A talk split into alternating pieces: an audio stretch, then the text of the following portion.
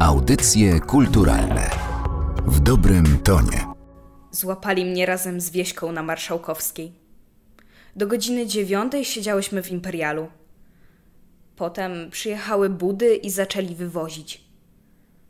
Wieśce udało się wyjść jako niepełnoletniej. Ja ze swoim wzrostem nawet nie próbowałam. Dzisiaj, 17 maja 2021 roku, mija dokładnie 78 lat, odkąd Jadwiga Ankiewicz przestała pisać swój dziennik. Szesnastolatka notowała wszystko, co ją spotkało w byłym niemieckim obozie koncentracyjnym na Majdanku. I dzięki Państwowemu Muzeum na Majdanku możemy przyjrzeć się tej okrutnej rzeczywistości, ponieważ muzeum wydało dziennik Jadwigi Ankiewicz, obejmujący czas między 15 stycznia a 17 maja 1943 roku. To właśnie wtedy młoda dziewczyna była w obozie, a my teraz możemy śledzić jej losy. Naszym gościem jest Jolanta Laskowska z muzeum, która czuwała nad wydaniem dziennika i opatrzyła go wstępem, który to wprowadza nas do tej publikacji. Ja nazywam się Katarzyna Oklińska. Dzień dobry. Dzień dobry. Można powiedzieć, że to pierwsze wydanie dziennika. Zapiski Jadwigi Ankiewicz były co prawda wydane 20 lat temu, w 2001 roku, ale nie jako oddzielna publikacja. Teraz trafiają do rąk czytelników jako samodzielna książka uzupełniona w zdjęcia autorki, a także jej rodziny, notę biograficzną oraz skany oryginalnego dziennika. Można powiedzieć, że Jadwiga Ankiewicz to polska Anna Frank. Tak, tak myślałam na początku, kiedy zaczęłam, kiedy wszyscy razem z zespołem, ale ja też zaczęłam pracować nad wstępem. Tak sądziłam, że takie porównanie będzie nieuniknione. No musimy pamiętać o jednej takiej małej różnicy. Anna Frank pisała z ukrycia. Oczywiście warunki były nieporównywalnie też ciężkie, nie pisała z domu w warunkach komfortowych jednakże nie z obozu. I to trzeba podkreślić. I Jadzia troszeczkę starsza. Niewiele, ale tak. Jadwiga Jadzia miała 16 lat, gdy pisała ten dziennik. I dziennik przechowywany przez rodzinę trafił do państwa, do, do państwa muzeum w 1998 roku, ale musiał przebyć długą drogę, aby z powrotem znaleźć się w miejscu, w którym był pisany. Powiedzmy, jak to się stało, że Jadwiga Ankiewicz zaczęła pisać dziennik i w ogóle znalazła się w obozie, bo był to czysty przypadek. No a papier w obozie koncentracyjnym był surowo zabroniony i na wagę złota. Tak, cała ta historia jest e, niesamowita i ja kiedy o niej opowiadam, a pracuję już z dziennikiem od dekady, jest niesamowita. Szkoda, że nie było szczęśliwego zakończenia.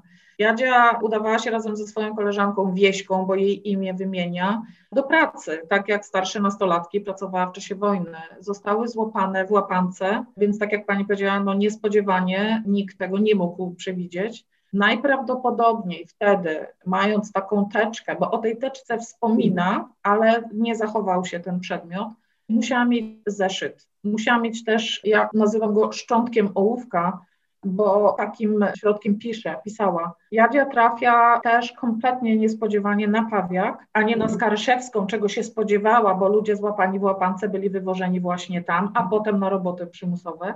Natomiast Jadzia trafia na Pawiak. Trafia na Pawiak, spędza tam dwie doby. Wiemy to już na 100%, że ona została schwytana w łapance tego 15 stycznia 1943 roku, gdyż w tamtym roku dopiero można to było zobaczyć czarno na białym list pisany przez jej ojca Stefana do mamy, do Barbary, gdzie pisze, jakie spotkało ich nieszczęście, bo 15 stycznia Jadzie złapali w łapance. Nie byliśmy do końca pewni tej daty. To były jedne z największych łapanek wtedy w Warszawie i jeden z największych transportów z Warszawy, który został skierowany tutaj do obozu koncentracyjnego na Majdanku w Lublinie. Jadzia, tak jak powiedziałam, musiała ten zeszyt przy sobie mieć, bo jest nieprawdopodobne, żeby mogła go zdobyć w obozie. O ile ten kawałeczek czegoś do pisania, tak, o tyle sam zeszyt nie. Bo to jest cały zeszyt, 46 stron do zapisania. Dokładnie tak. Zeszyt w jedną linię. My nie wiemy, dlaczego Jadzia zaczęła pisać. Ja przypuszczam, że z opowieści rodzinnych, ponieważ była świetną uczennicą, jeśli chodzi o przedmioty humanistyczne, być może pisała pewne notatki, pamiętnik. Dziewczyny często robią takie rzeczy i robiły, i robią, i będą robić. Nie ma też w tym tekście takich dużych słów, że ona pisze dla potomnych. Ja sądzę, że próbowała po prostu przetrwać każdy dzień, a przy okazji dała nam niesamowite źródło do wiedzy na temat tego miejsca z perspektywy 16-letniej dziewczyny. Ustawili nas w piątki. W budzie było zupełnie ciemno. Niektóre poprzewracały się o pozakładane łańcuchy. Poza tym wszystkie prawie zajmowały miejsca na przedzie. Także w końcu na początku był ogromny tłok, a w końcu zupełnie pusto. Na jezdni zostało jeszcze parę kobiet, a Niemiec zaczął się drzeć, że te kilka musi się zmieścić koniecznie. Jedna z nich widocznie zapomniała, w jakiej jest sytuacji, gdyż wykrzyknęła: Kobiety doprawdy! Posuńcie się, przecież każdy chce jechać! Pomimo grozy sytuacji, kilka wybuchnęło śmiechem. Jeszcze wsiadło kilka osób. Jeszcze pobiegło kilka spojrzeń na cichą i wyludnioną w tej chwili ulicę. W tych zapiskach jest coś wyjątkowego. Nie ma sentymentów, nie ma zbyt wielu emocji, nie ma żalu ani złości. Znajdziemy w nich opis rzeczywistości niemal dzień po dniu. To coś innego niż wspomnienia ocalonych więźniów, do których jesteśmy przyzwyczajeni, pełne bólu i cierpienia. Jadwiga Ankiewicz dystansuje się od tego, zachowuje zimną krew, można tak powiedzieć. Przecież ma tylko 16 lat i, i pracuje w pralni obok budynku budynku, w którym przechowywane są ciała ofiar. Tak. Mało tego, ona jest bezpośrednim świadkiem zagłady mieszkańców swojego miasta, Warszawy, bo pamiętajmy, że ten okres jej uwięzienia i tej pracy w pralni, czyli od tego marca 1943 roku, to są ogromne transporty warszawskich Żydów przywożone na Majdanek. Ona widzi to, ale tak jak pani powiedziała, i ja też się skłaniam, to być może, znaczy nie ma tam takiej emocjonalności charakterystycznej dla nastolatek. Być może wynikało to z jej temperamentu, z jej patrzenia na świat. Tak jak rodzina ją opisuje, jak opisuje ją siostra stryjeczna, pani Teresa Tobera, ona była bardzo racjonalna. Brała życie takie, jakie ono było, próbowała sobie w tym życiu dawać radę. Ja mówię tu o czasie już wojennym. Podchodziła do tego też, tak jak mówię, strasznie rozumowo. Ona wiedziała, że jeśli jest problem i nie ma chleba, no to trzeba rano wybiec i gdzieś ten chleb znaleźć po prostu. I ona tak robiła. Po prostu taka była. Oprócz tego, o czym pisze Jadwiga Ankiewicz, też jest ważne, jak to pisze. Wspomniałam, że w książce są skany oryginalnego dziennika, bo zrobił na mnie dość duże wrażenie. Pismo autorki jest staranne, lekko pochylone, niewiele w nim błędów czy pomyłek, skreśleń. Jakby nie pisała tego szesnastolatka zamknięta w obozie koncentracyjnym, której może grozić śmierć. To na mnie wywarło też niesamowite wrażenie, bo ja jestem nauczycielem i ja miałam wrażenie, że to często przepisywało się zeszyty, bo chciało się dostać lepszą ocenę, więc się przepisywało, żeby to wszystko było takie równiutkie, takie od linijki.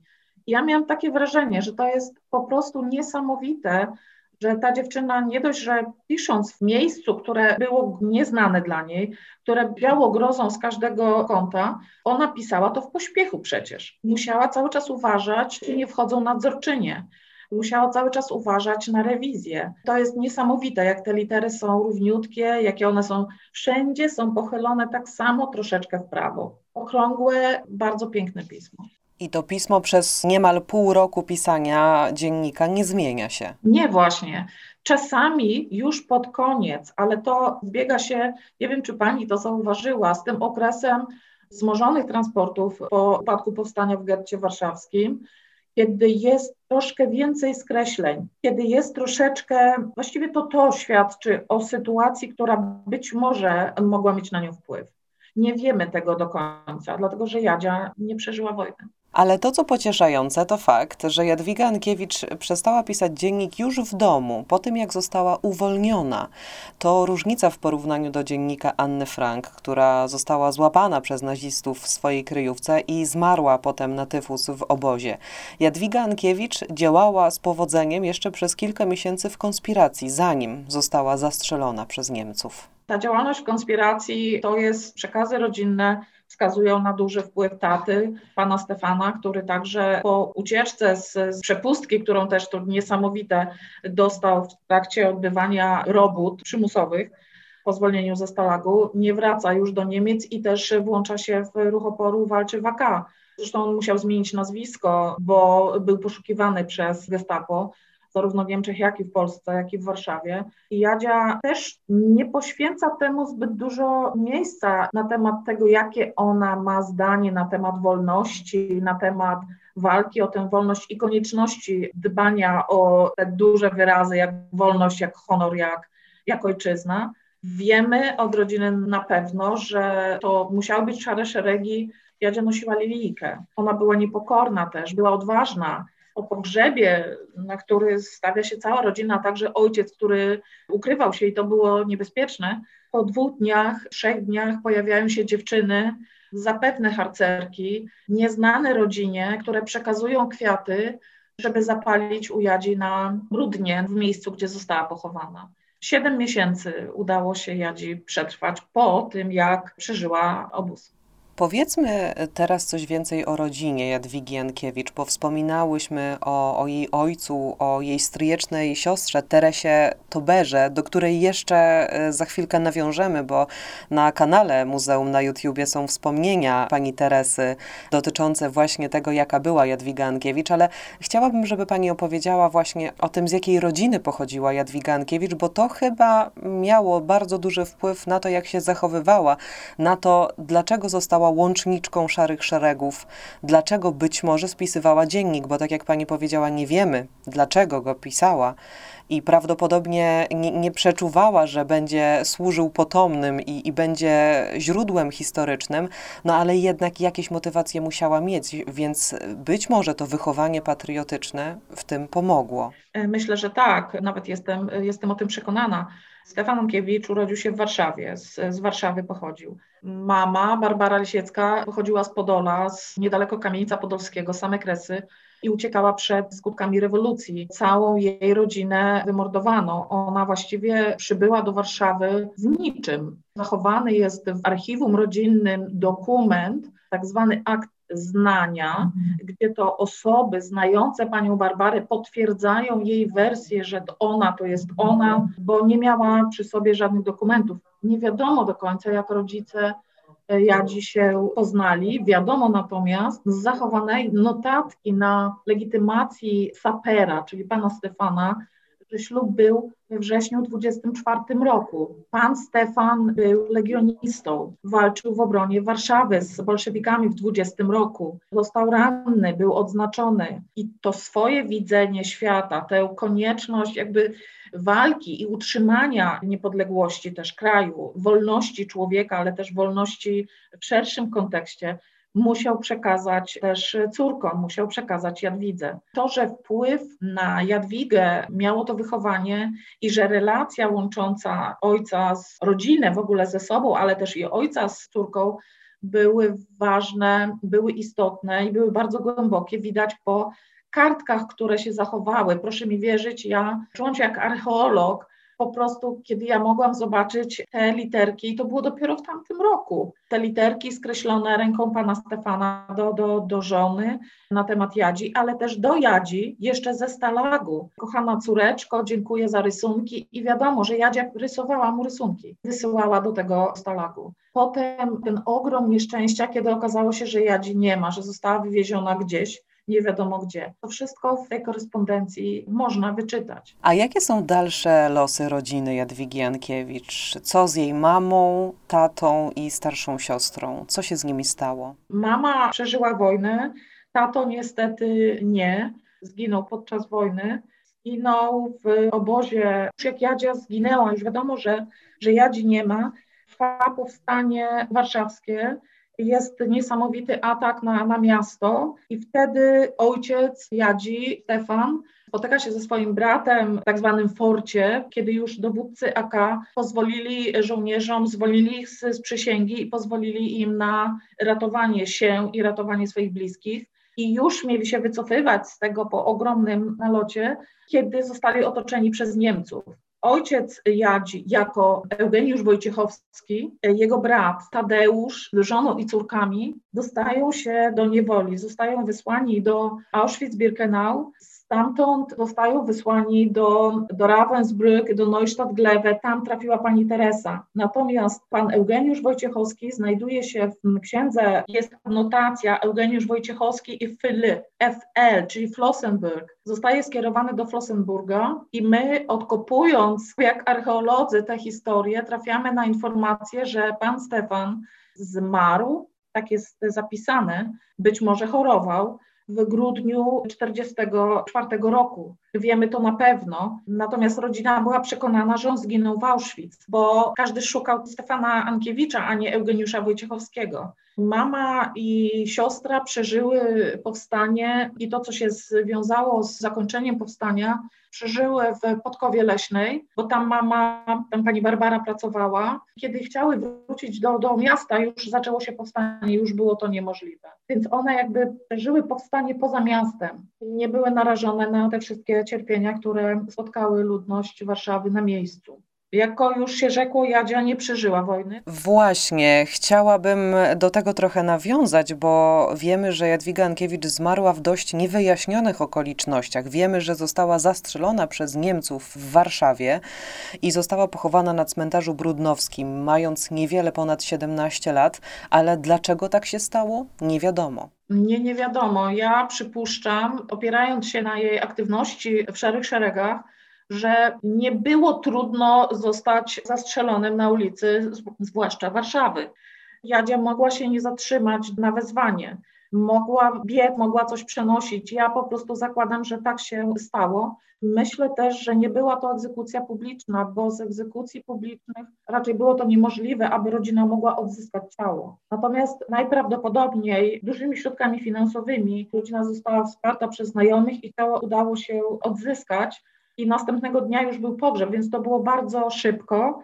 Widziałam zdjęcie z pogrzebu Jadwigi. Pani Teresa prosiła, żeby jej go nie umieszczać w publikacji ze względu na tę intymność, która tam jest tak bardzo widoczna. Jest calutka rodzina i ojciec, który jest no właściwie wrakiem człowieka. We wspomnieniach stryjecznej siostry Jadwigi, Teresy Tobery, o której od początku naszej rozmowy cały czas wspominamy, Jadzia jawi się jako osoba na wskroś dobra. Bardzo dużo teraz mówimy o przykrych rzeczach, więc powiedzmy o tych, o tych dobrych, żeby trochę rozjaśnić tę naszą rozmowę, dodać trochę optymizmu. Tych wspomnień, tak jak już powiedziałam, można wysłuchać na kanale na YouTubie Muzeum na Majdanku.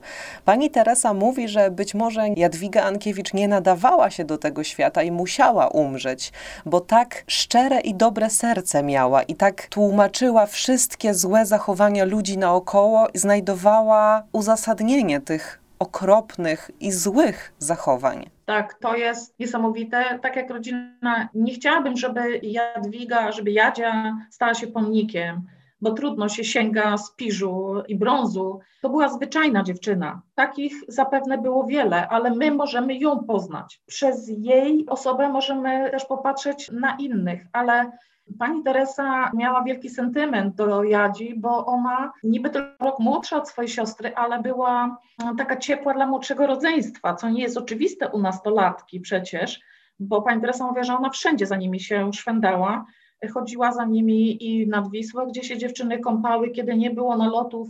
Jadwiga świetnie pływała, grała w piłkę, potrafiła w mróz zrobić orła na śniegu, czy zdobyć ten chleb, o którym mówiłam ta dobroć, którą ona starała się zobaczyć i widziała przede wszystkim w innym człowieku, widoczne jest też w dzienniku. To jest to, jak niesamowicie ona opisuje nadzorczynię. No, nie ma zbyt dużo dobrych opinii na temat nadzorczyń, a zwłaszcza nadzorczyń na Majdanku.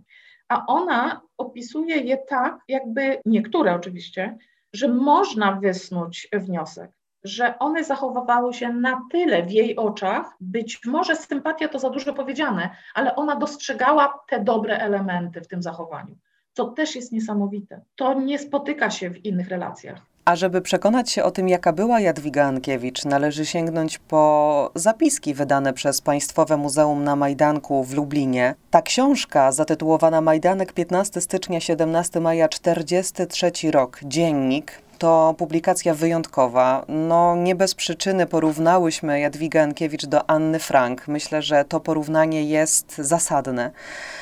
A mówię porównałyśmy, bo naszym gościem była dzisiaj Jolanta Laskowska z muzeum, która czuwała nad wydaniem tego dziennika i opatrzyła go wstępem, bez którego trudno byłoby pewnie zrozumieć te zapiski wyrwane z kontekstu.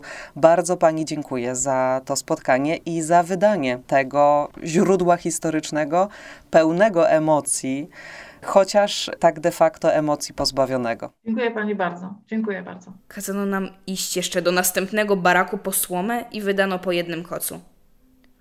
Powlokłam się jeszcze po tę nieszczęsną słomę. Przyniosłam jej całe naręcze, położyłam pod ścianą i rzuciłyśmy się obie z tą koleżanką. Z tą, którą poznałam jeszcze na pawiaku.